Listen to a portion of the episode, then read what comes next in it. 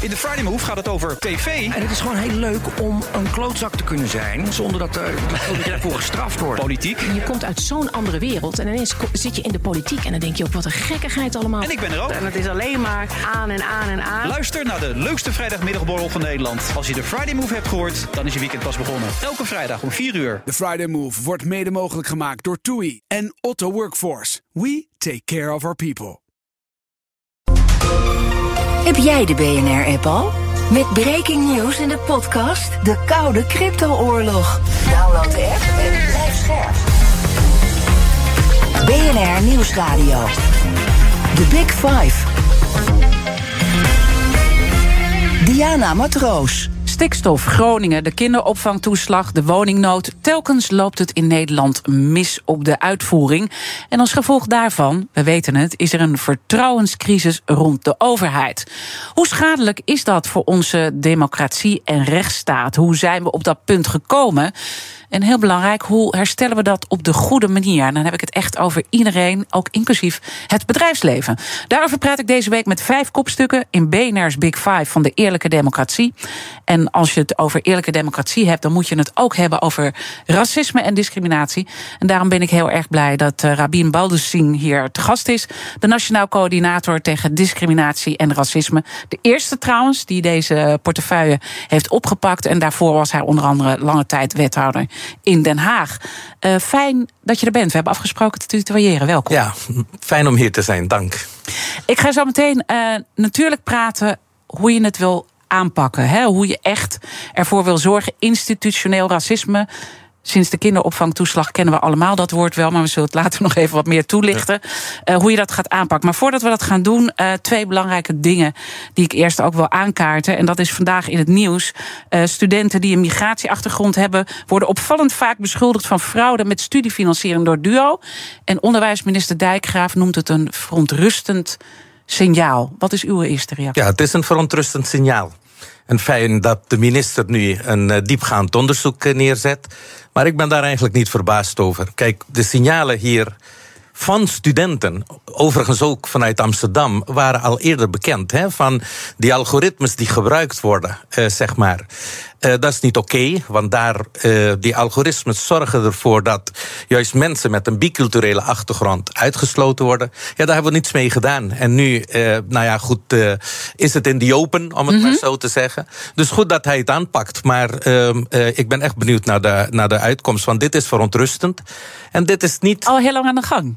Ja, dat, dat denk ik wel. En overigens, dit is niet, he, niet de enige institutie waar op dit moment zeg maar, de thermometer als het ware ingestoken moet gaan worden. Maar er zijn ook allerlei andere plekken waar signalen zijn en waar wij nu niet kordaat handelen. Bijvoorbeeld bij de sociale diensten, bij gemeenten. Zeg maar. Hoe zit het daar nou mee? We hebben bij de Belastingdienst zeg maar, die fraudelijsten gehad, uh, ja. he, illegaal gemaakt, om het maar zo te zeggen. Waarbij grote groepen mensen op basis van hun etniciteit uitgesloten zijn.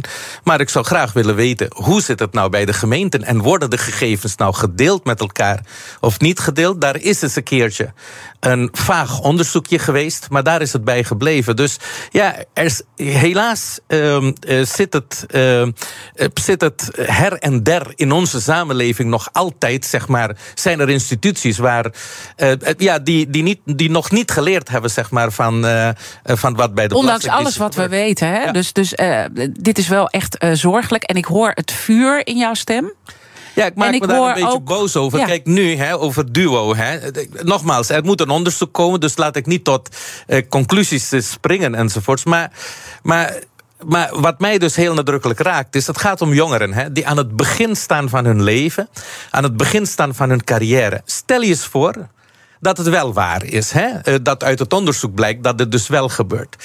Nou, dat betekent dus dat jonge mensen, wat is het, 18, 19, 20, 21 jaar, al nu geconfronteerd zijn met uitsluitingsmechanismen die die democratie rechtvaardig mm -hmm, heeft mm -hmm. of gerechtvaardigd. Ja. Ja, dat is toch pijnlijk. Wat hebben we nou deze jongeren dan aangedaan? Dit gaan ze natuurlijk de rest van hun leven meedragen. Nou, daar kan ik mij boos over maken. Ja, en ik snap het, want ik zit dan, moet ik het uitspreken? Want bij de radio zie je het niet altijd, maar hier zitten twee mensen van kleur. Ja. Ehm, en ik herinner me nog heel erg uh, goed, toen ik uh, studeerde, moest ik een formulier invullen. En ik ben dus geboren en getogen Amsterdammer, voor de duidelijkheid, met trotse Surinaamse roots. Ja. Dus dat wil ik er ook even bij zeggen. Uh, maar ik bleek dus een allochtoon te zijn. En ik moest een formulier invullen.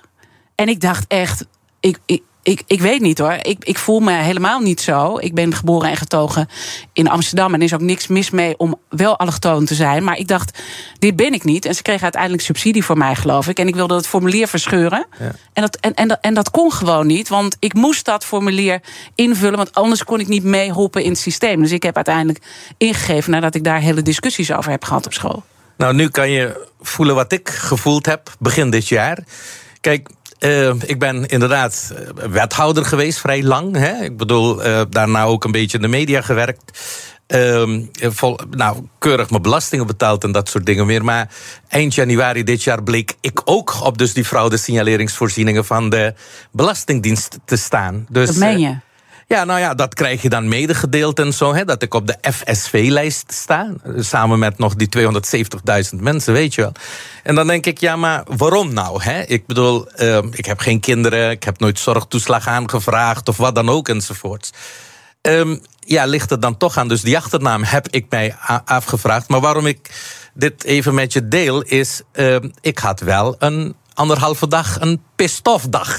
Als ik dat woord mag gebruiken in jouw uitzending. -hmm het, het krenkt je wel. Het raakt je heel erg diep van, nou, uh, hoe komt het nou hè, dat je dan daar ook op staat en welk mechanisme heeft hier aan bijgedragen? Dus dan, dan realiseer je je, ook als nationaal coördinator, hè, de officiële titel is regeringscommissaris, dan realiseer je je dat, uh, dat, dat, dat die democratie een democratie is uh, en volgens mij is het een hele sterke democratie hoor, die we hebben, gelukkig wel. Die weerbaar ook kan zijn, dat heeft het ook uh, bewezen, gelukkig wel. Maar toch zie je gewoon hiaten in die, in die invulling van die democratie, waarbij het gevoel gecreëerd wordt: we zijn allen gelijk, maar sommigen zijn meer gelijk dan anderen. Ja, en dat is een trieste conclusie. En, en, en ik merk zelf, ik weet niet hoe jij erin staat, want uh, je, je probeert al je efforts uh, nou, hier aan te geven. Hè? En ik heb dat in het verleden ook gedaan. Ik heb een statement gedaan voor meer culturele diversiteit uh, in de media in 2000. 15 uh, was dat. Toen zijn er ook twee verhalen over mij naar buiten gekomen over discriminatie op de werkvloer vanwege mijn uh, kleur. Bijvoorbeeld dat twee zwarte presentatoren heftig was voor het programma. En of we niet te veel samen ingeroosterd konden worden, mijn zwarte collega en ik ook met kleur. Um, nou ja, dit, is, dit kunnen mensen allemaal opzoeken. Dus, ja. dit, is, dit is lang geleden dat ik dat statement naar buiten heb gebracht. Overigens was dat niet bij BNR. Misschien ook goed om te zeggen. Ja, maar het is toch triest. Uh, maar het is... Het is uh, um, ik merk dat ik gewoon een beetje moedeloos soms word. En ik wil niet moedeloos zijn, want ik ben altijd strijdbaar. Dus, dus je, je ziet gewoon hè, dat, dat he, bias, he, vooroordelen, hoe geïnstitutionaliseerd ze zijn. Dus het gaat niet alleen om alledaags racisme, zeg maar, he, dus wat in de hoofden afspelen, maar dat het ook verankerd zijn. Dus in dit geval natuurlijk bij de omroep. Nou, ik ben, ik ben ontzettend uh, uh, teleurgesteld, moet ik je zeggen, dat, uh, nou ja, naar aanleiding van wat er bij Ongehoord Nederland is gebeurd, weet je wel, de manier waarop daar mensen met een bicultureel achtergrond in programma's neergezet werd. Nou, is er toen gesproken voor een nieuwe journalistieke code. Nou, dat wordt 1 uh, juli ingevoerd. Ik heb begrepen inmiddels dat uh, alle uh, omroepen akkoord zijn mm -hmm. uh, met dus een nieuwe journalistieke code. Maar in die code wordt niet gesproken over discriminatie en racisme. Daar was het om te doen, dacht ik zo. En dat gesprek heb ik ook met de NPO gevoerd. Van joh, zorg er nou voor dat er echt heldere regels zijn waaraan de journalistiek zich ook moet houden. Uh, artikel 1 van de grondwet, dat is niet goed genoeg. Uh, je zult in ieder geval de gedachten van artikel 1 van de grondwet, het gelijkheidsbeginsel, moeten verankeren in de organisatie. En daar daar is, eh, daar is de NPO in de lead. Daar zijn de bazen van de omroepen in de lead. Je moet dat verankeren. Je moet dat elke keer ook bespreekbaar stellen op de Nou ja, redactie. media zijn nogal belangrijk, want Dat- dat die lijkt- kleuren onze hele gedachten. Me wel. ja. Maar dan is het toch een intrieste conclusie dat zij, als ik dan ook diezelfde media mag geloven, ja, niets over racisme en over discriminatie in die nieuwe journalistieke code komt. En, en Dus wat, ja, wat- wat- hoe gaat dan zo'n gesprek? Want wat, dit was gisteren. Nee, eh, dat gesprek is eerder geweest, hè, naar aanleiding van nogal wat sessies. Hè, drie sessies die ik met, eh, met Hilversum heb georganiseerd. Town hall sessies noem ik dat. Om gewoon mensen bij elkaar te krijgen en te praten over hoe kunnen wij, eh, hoe kunnen we eh, elkaar zien, hoe kunnen we anderen zien. En hoe kunnen we de pijn voelen die in die samenleving is veroorzaakt, zeg maar, door eh, eh, het vergoeilijken, zeg maar, van uitspraken in de media die discriminator zijn. Een voorbeeld is hierbij bijvoorbeeld, eh, ja, dat is een bekend voorbeeld waarbij aan een talkshowtafel, zeg maar, live op televisie wordt gezegd, er werd gesproken over, nou waarom we anders reageren tegen de Oekraïnse vluchtelingen en anders dan over de Syrische vluchtelingen. En toen Ja. werd er gezegd van ja, maar die lijken dus op ons, weet je wel. Nou, dan zie je gewoon dat dan aan zo'n tafel hè, ja, mensen zitten die elkaar dan ook niet corrigeren. Ook niet de interviewer, hè, die zegt van jongens, laten we het nou even wat neutraal zien te houden. En dit gebeurt veel te vaak, weet je wel. Eh, nou ja, goed, kijk, Ongehoord Nederland heeft ja, op een echt schandalige wijze, vind ik, eh, de biculturele gemeenschap weg willen zetten. eh, door beelden die niet eens in Den Ha- eh, Nederland zijn opgenomen. eh, om, eh, om, om, om, om, om die uit te zenden en te zeggen van zie je, racisme richting witte mensen. Terwijl het ja, ging om berovingen en dat Ja, soort zaken. maar, maar, maar het ernstige is misschien hoe het wordt opgepakt. Ja, en, en dat en, en, dus en niet dat, dat, en, en wat, wat is dan de reactie? Want ehm, je hebt er eerder over gesproken Ja. en het zit dus nu niet in die eh, code. Hoe, ga- hoe gaat dan de reflectie op zo'n moment? Want je bent eh, nationaal coördinator tegen racisme en Nee, discriminatie. maar daarom, kijk, ik, ik voer die gesprekken en daarom neem ik ze kwalijk. Omdat ik vind dat zo'n journalistieke code eigenlijk een tegenstem had ook moeten zijn. En dat is het dus niet. Dus wat je dus ziet is dat, dat we gewoon stil. Eh, hè, die stilte omarmen. En ik denk dat dat niet goed is voor een gezonde democratie. Kijk, wij moeten, wil je die democratie die wij hebben met elkaar, en die we ook koesteren met elkaar, en dat moeten we zeker ook blijven doen, wil je dat gezond houden, dan moet je niet toestaan dat anderen eh, eh, gaan vroeten zeg maar, aan de wortels van die democratie. Dat gebeurt door politici in dit land, dat gebeurt ook door mensen, dat gebeurt ook door de media. En dat betekent gewoon dat je norm moet stellen en dat je ook, als die norm er ook is, dan moet je dat ook gaan handhaven. En daar schort het aan. Big Five. Diana Matroos. Mijn gast is Rabin Baldoussing. Hij is de eerste nationaal coördinator tegen discriminatie en racisme. In 2021 begonnen. Hè. Dat was natuurlijk na de Black Lives Matter eh, beweging. Eh, nou ja, er gebeurden een aantal dingen waardoor er een kantelpunt kwam in Nederland. En ook een opmerking van onze premier, eh, en nog steeds de premier, was ook een belangrijk moment om uw aanstelling, om jouw aanstelling, we zouden Ja. tutoyeren, in het leven te roepen. Breng dat nog even in herinnering. Nou ja, kijk. Ik, ik, ik denk dat het heel erg belangrijk is geweest na jaren zwijgen en bagatelliseren.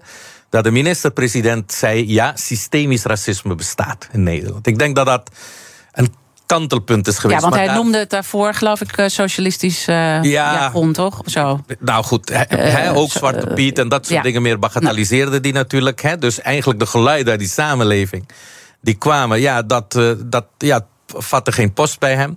Maar daarvoor was inderdaad ongekend dat er 60.000 mensen in juni 2020 de straat op gingen naar aanleiding van die Black Lives Matter demonstratie.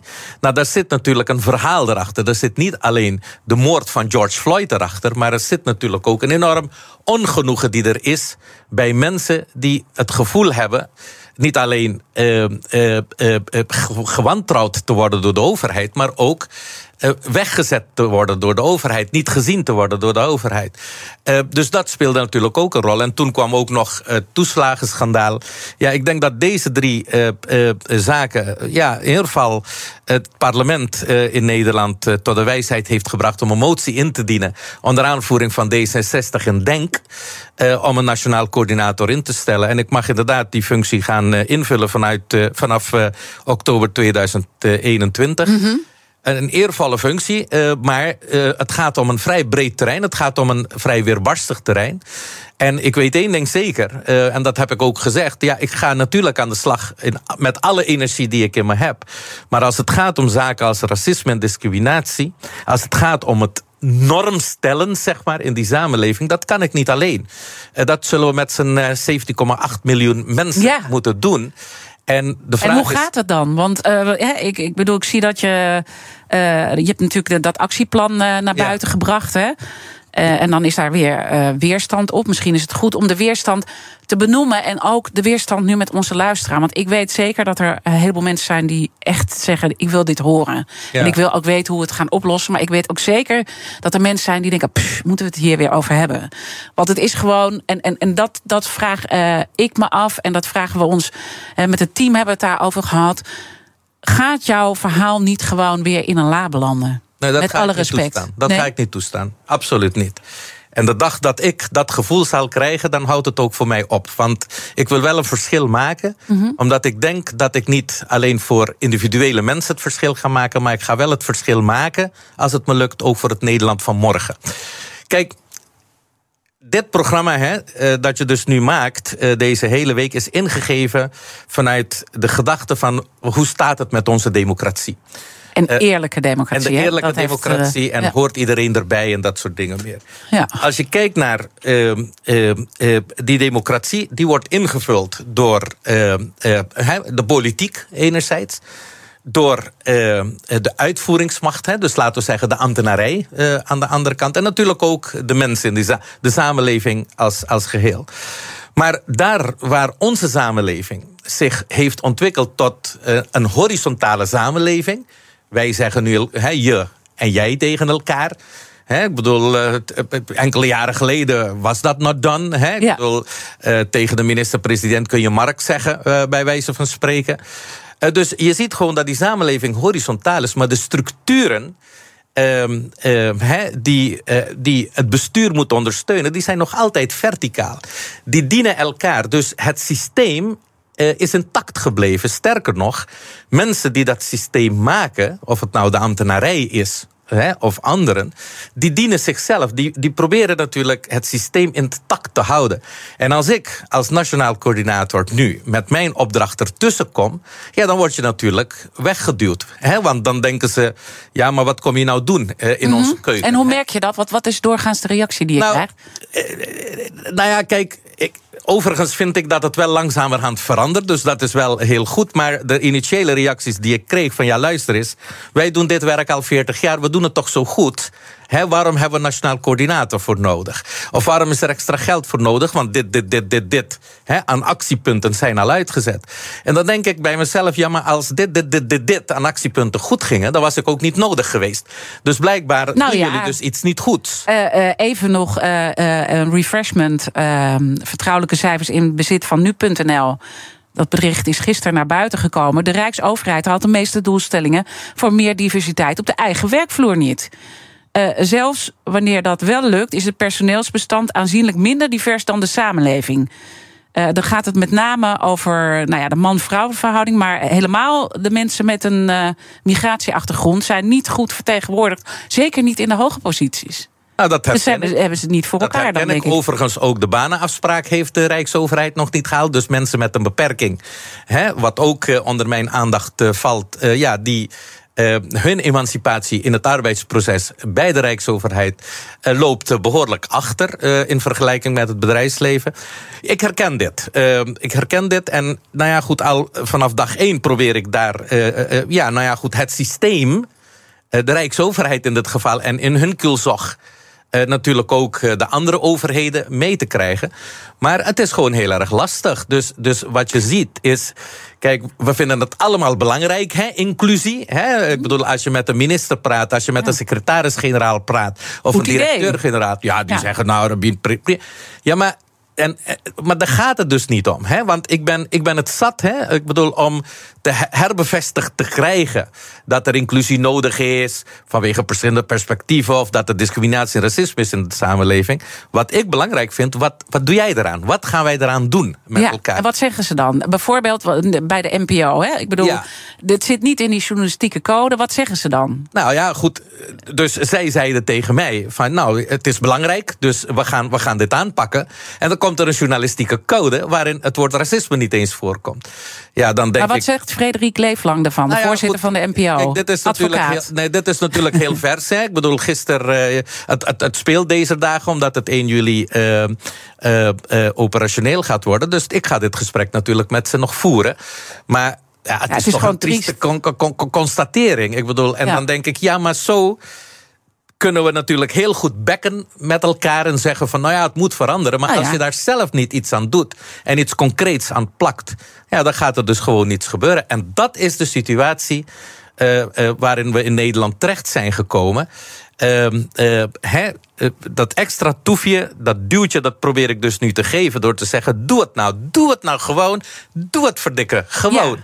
En ehm, eh, nou ja, goed, bij sommigen eh, eh, is deze kreet ja, ontvankelijk, om het maar zo te zeggen. Maar bij veel mensen nog even niet. Omdat zij natuurlijk te maken hebben met ook die bagage. En dat is dat systeem dat intact eh, gehouden moet worden. En daarom denk ik, wil je het over die eerlijke democratie hebben, dan zul je dit soort systemen gewoon tegen het licht moeten willen houden. Echt waar, moeten willen doorlichten. Dan gaat het niet alleen om één afdeling, bijvoorbeeld de Algemene Bestuursdienst, waar jullie het gisteren over hebben gehad. Met Herman. Tjenk Willink, ja? Ja, maar je zult dat gewoon breder moeten willen trekken. Echt, Oké. dat meen ik serieus. Laten we dan zo meteen daar meer de diepte op ingaan. En ook kijken hoe je dat bijvoorbeeld bij de nationale politie doet. Waar iemand die heeft eh, racistische uitlatingen heeft gedaan. Eh, onlangs, nou het is nu niet doorgegaan vanwege alle commotie. Maar die kreeg een promotie. Eh, en het ging ook nog om de vreemdelingenpolitie. Terwijl die, nou ja, dat je echt denkt, hoe kan dit? Ehm, maar laten we dan zo meteen verder praten hoe we nou dit echt kunnen eh, doorbreken. Mijn gast is Rabin Baldusing, de Nationaal Coördinator tegen Discriminatie en Racisme. Blijf luisteren. Geen enkele ondernemer wil zich laten tegenhouden door software. U bent ambitieus en wilt groeien. Codeless vernieuwt, bouwt en onderhoudt software die altijd perfect aansluit op uw unieke bedrijfsprocessen. Zodat u de beste software heeft voor uw bedrijf en ambities. Nu, morgen en over 30 jaar.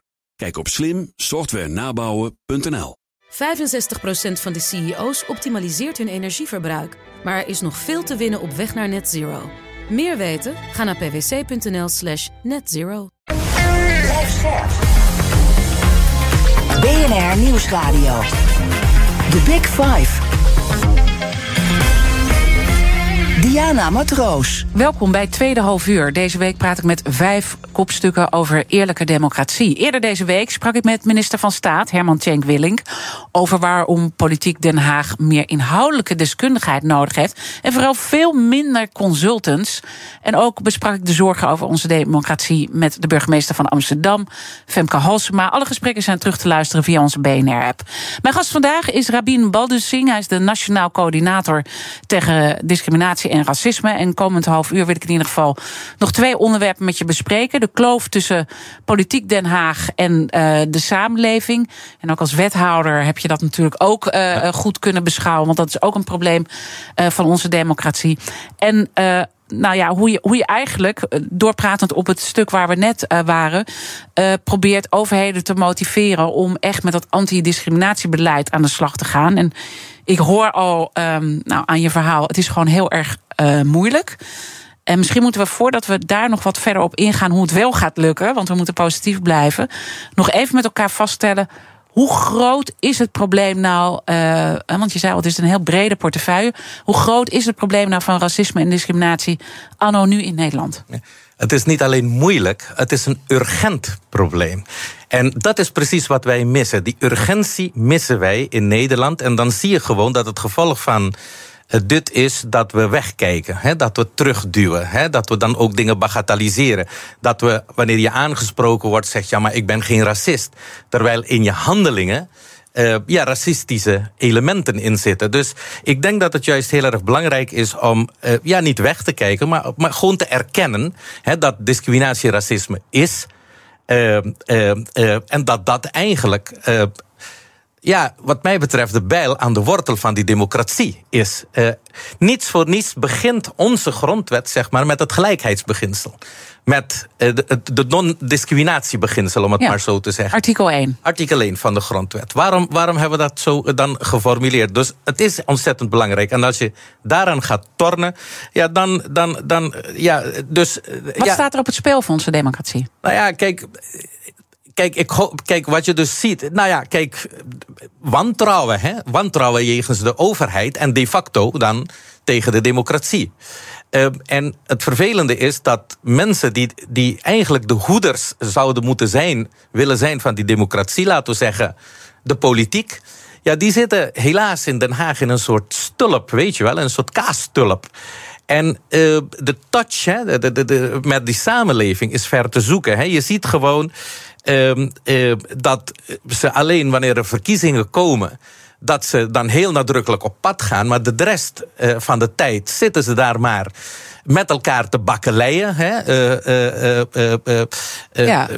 En dat gaat eigenlijk kwesties. verder dan racisme en discriminatie. Ja, dat, dat, dat, dat, heeft veel ja, verstrekkende gevolgen natuurlijk. Ja, maar, maar, maar, maar, maar wat ze dan doen, hè, zonder dan gevoel te hebben.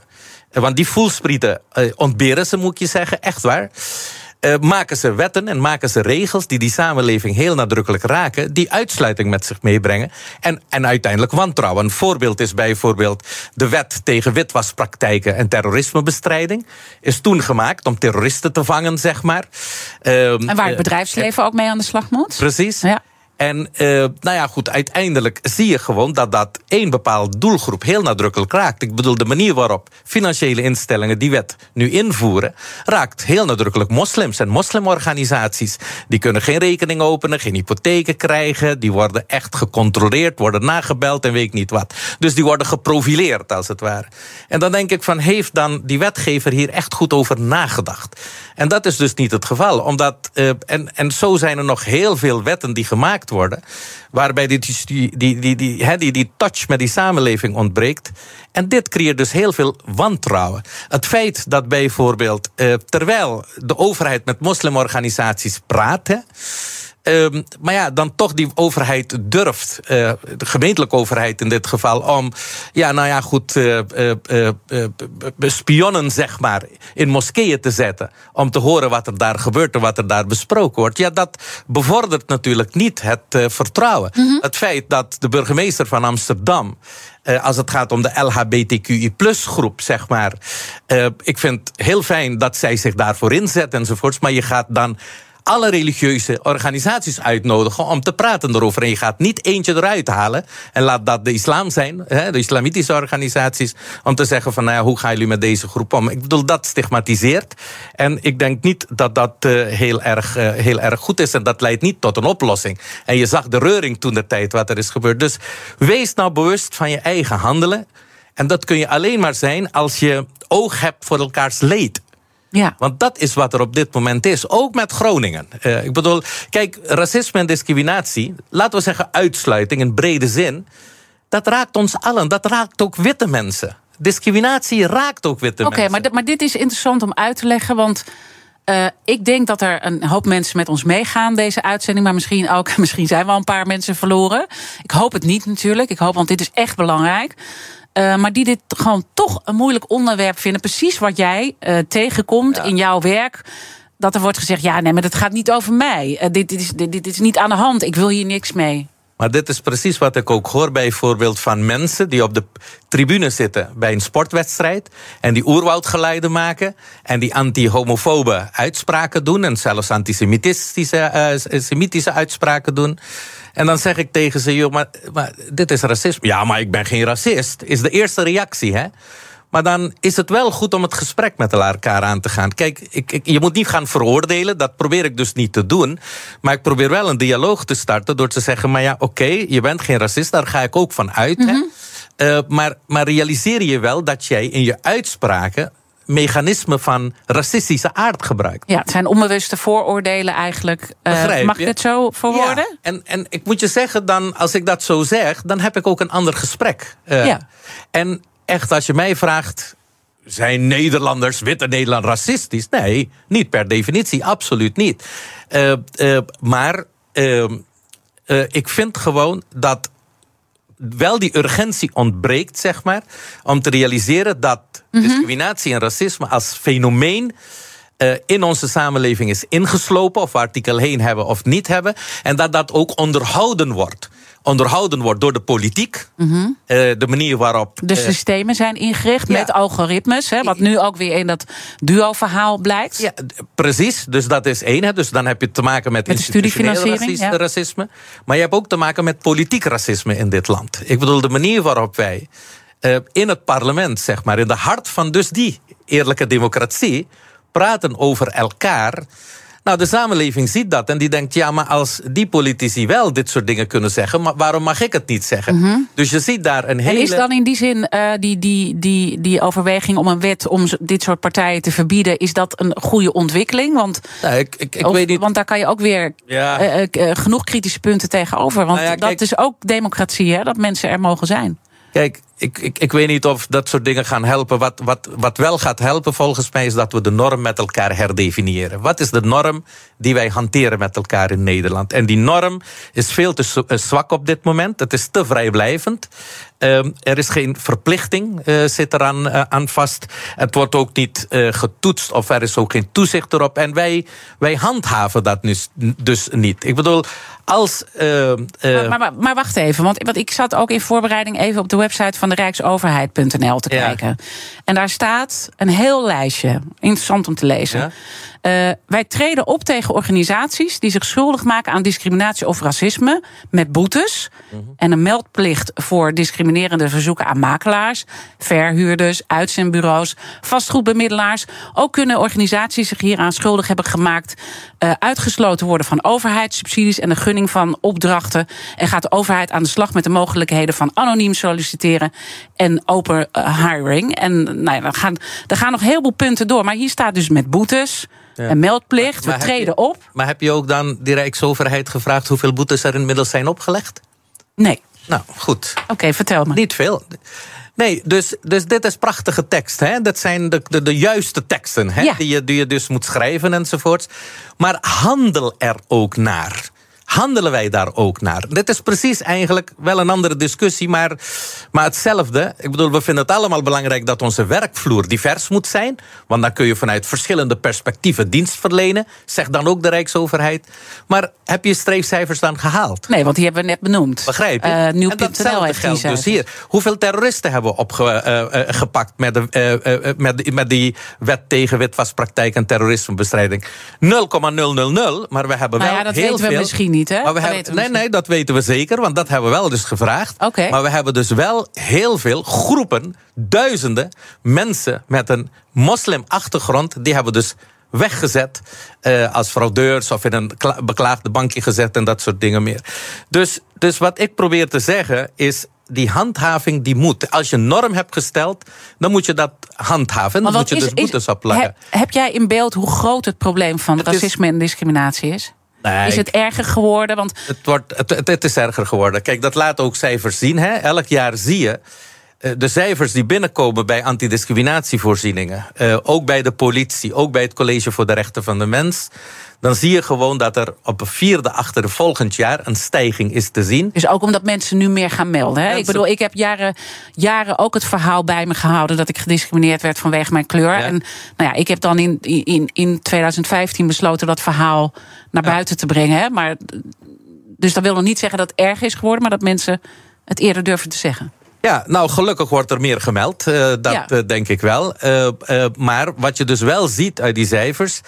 Dat, dat, dat, uh, dat etniciteit, huidskleur eigenlijk uh, uh, ja, in het oog springt, zeg maar. Hè? Als grond waarop die, die, die melding heeft plaatsgevonden.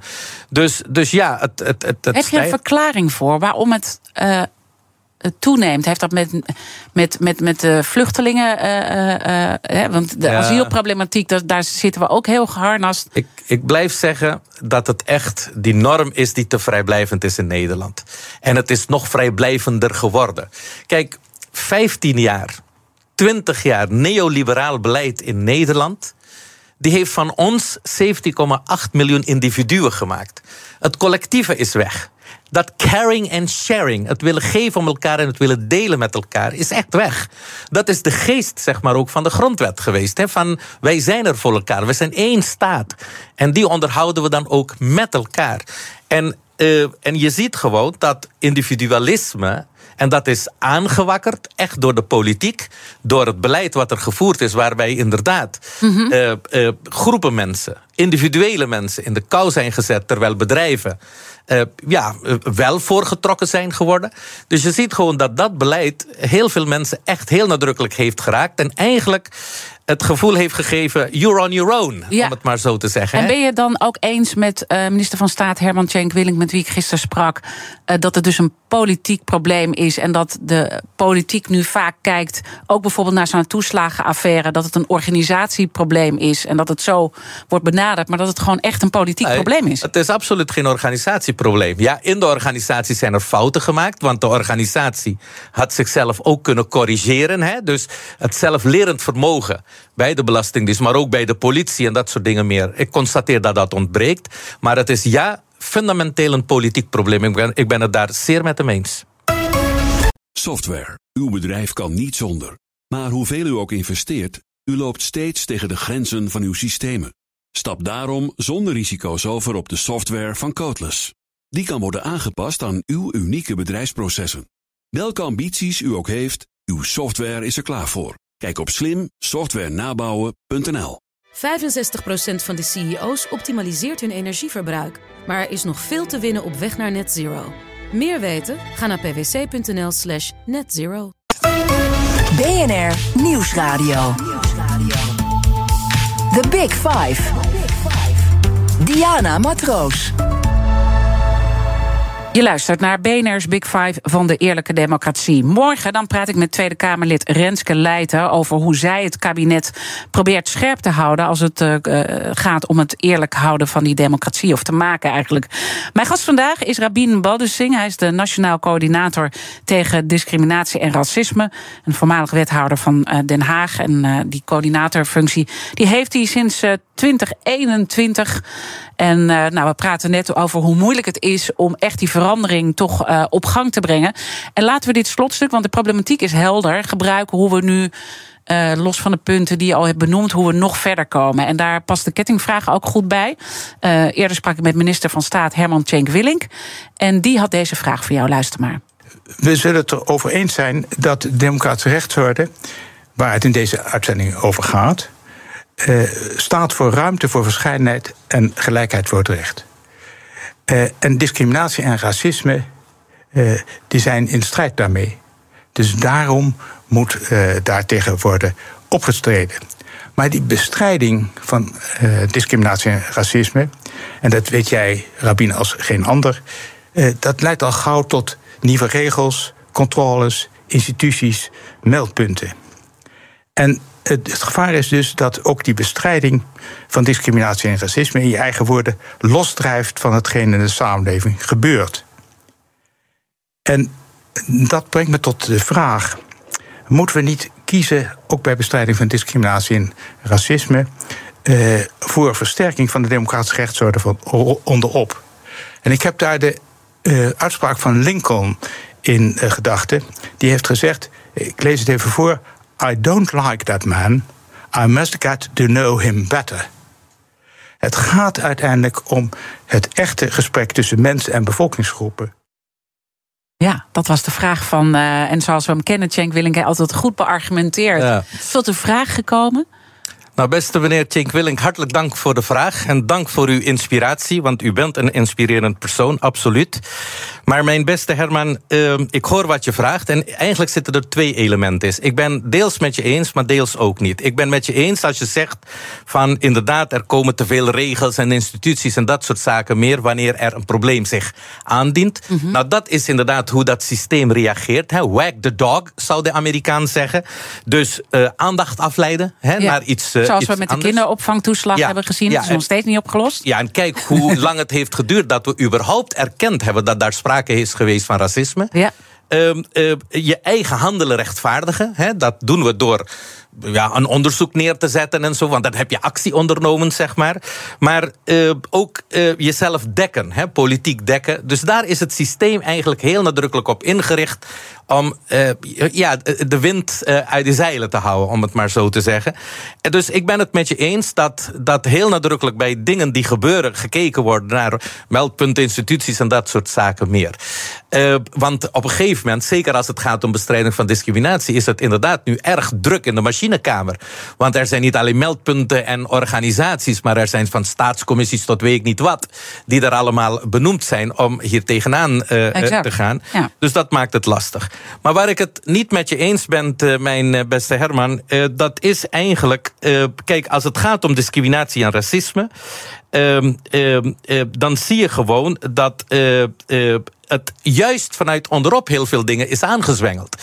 Dus ik bedoel, de Black Lives Matter, we hebben het eerder in deze uitzending over gehad. Ik bedoel, die heeft natuurlijk dit onderwerp ook op de kaart gezet. Eh, de Zwarte Piet-discussie, als elf jaar geleden Quincy Gario niet met een t-shirt had gestaan door te zeggen Zwarte Piet is racisme, ja, dan was er dus ook die beweging niet op eh, gang gekomen. En dat zie je dus ook bijvoorbeeld bij Extension Rebellion, zeg maar. Hè, die ook vanuit de grassroots eh, dingen eh, aan, aan, het, aan, het, aan het doen is. Dat hebben we ook in de tijd van Herman Tjeek Willink ook gezien. Bijvoorbeeld bij de woningnood in de jaren tachtig. Is ook hier in Amsterdam die beweging begonnen met Ja, grote dus die zijn belangrijk om het probleem te agenderen. Maar ergens zegt hij ook, we moeten ook... eh, eh, nou ja, de, de opmerking van Lincoln, laten we met elkaar in gesprek gaan. Ja, eh, dat klopt. Maar, maar dat, dat moeten we doen. Maar dus, dus van onderop, investeren daarin. Ben Ja. ik zeer met hem eens. Maar, maar je, moet, je moet de bovenlaag niet vrijwaren. Ik bedoel, de directeuren, de secretaris-generaals, de ministers. Bedenken, die moeten wel het beleid verankeren eh, in de organisatie. Eh, dus wat mij betreft is het niet een eh, of-of verhaal, maar een en-en verhaal. En ik denk dat dat heel erg belangrijk is. Dat zie ik ook op basis van ja, de ervaring die ik inmiddels heb. En Herman Tjik Willink heeft natuurlijk Lincoln geciteerd. En laat ik, laat, ik, laat, ik, laat ik ook een citaat aan Herman meegeven. En dat is een heel mooi citaat van Barack Obama. En die zei. Change will not come if we wait for some other person or some other time. We are the ones we've been waiting for. We are the ones we've been waiting for. We are the change that we seek. Dit is het momentum. Ja. Dit is het momentum om te handelen, om in ieder geval die eerlijke democratie nog eerlijker te maken, maar vooral ook gezond te houden. En als wij met z'n allen falen om te erkennen en om te herkennen, dan komen we niet tot de oplossingen. En die oplossingen is wat mij betreft een en-en-verhaal. Inderdaad, van onderop zwaar investeren, maar tegelijkertijd de bovenlaag niet vrijwaren, want die nemen verdikken me de beslissingen. En zij die de beslissingen nemen, die zijn verantwoordelijk. Die moeten rekenschap afleggen aan de samenleving wat zij hebben gedaan om die inclusie te bewerkstelligen. Misschien is dat een mooie koppeling naar mijn gast eh, van morgen. Want morgen spreek ik Tweede Kamerlid Renske Leijten. En ik weet dat je ook kritisch bent over de opstelling van de Eerste Kamer. Want die zorgt ook dat bepaalde wetten niet goed eh, getoetst worden. En is veel te politiek. Aan dat punt komen we niet toe. Maar wat zou je vraag zijn aan Renske Leijten? Want ook een Tweede Kamerlid heeft hier een verantwoordelijkheid. Ja, beste Renske. ehm, dit jaar bestaat onze grondwet 175 jaar. In november. Ehm, en onze grondwet is misschien wel de enige grondwet in de wereld die begint inderdaad met gelijkheidsbeginsel. Allen die zich in Nederland bevinden worden in gelijke gevallen gelijk behandeld. Discriminatie wegens godsdienst, levensovertuiging, politieke gezondheid, ras, geslacht, handicap, seksuele gerichtheid of op welke grond dan ook is niet toegestaan. Het woord ras stoort mij hierin. Omdat dit eigenlijk is opgenomen. Het woord ras in artikel 1 van de grondwet is gebaseerd zeg maar, op een 19e eeuwse theorie waarbij de westerse ras als superieur werd gezien. Uh, uh, uh, in denken, dat was dus het uitgangspunt om te denken over volkeren. volgens mij is er één ras en dat is de menselijke ras. Dus met wel verschillende uiterlijke kenmerken.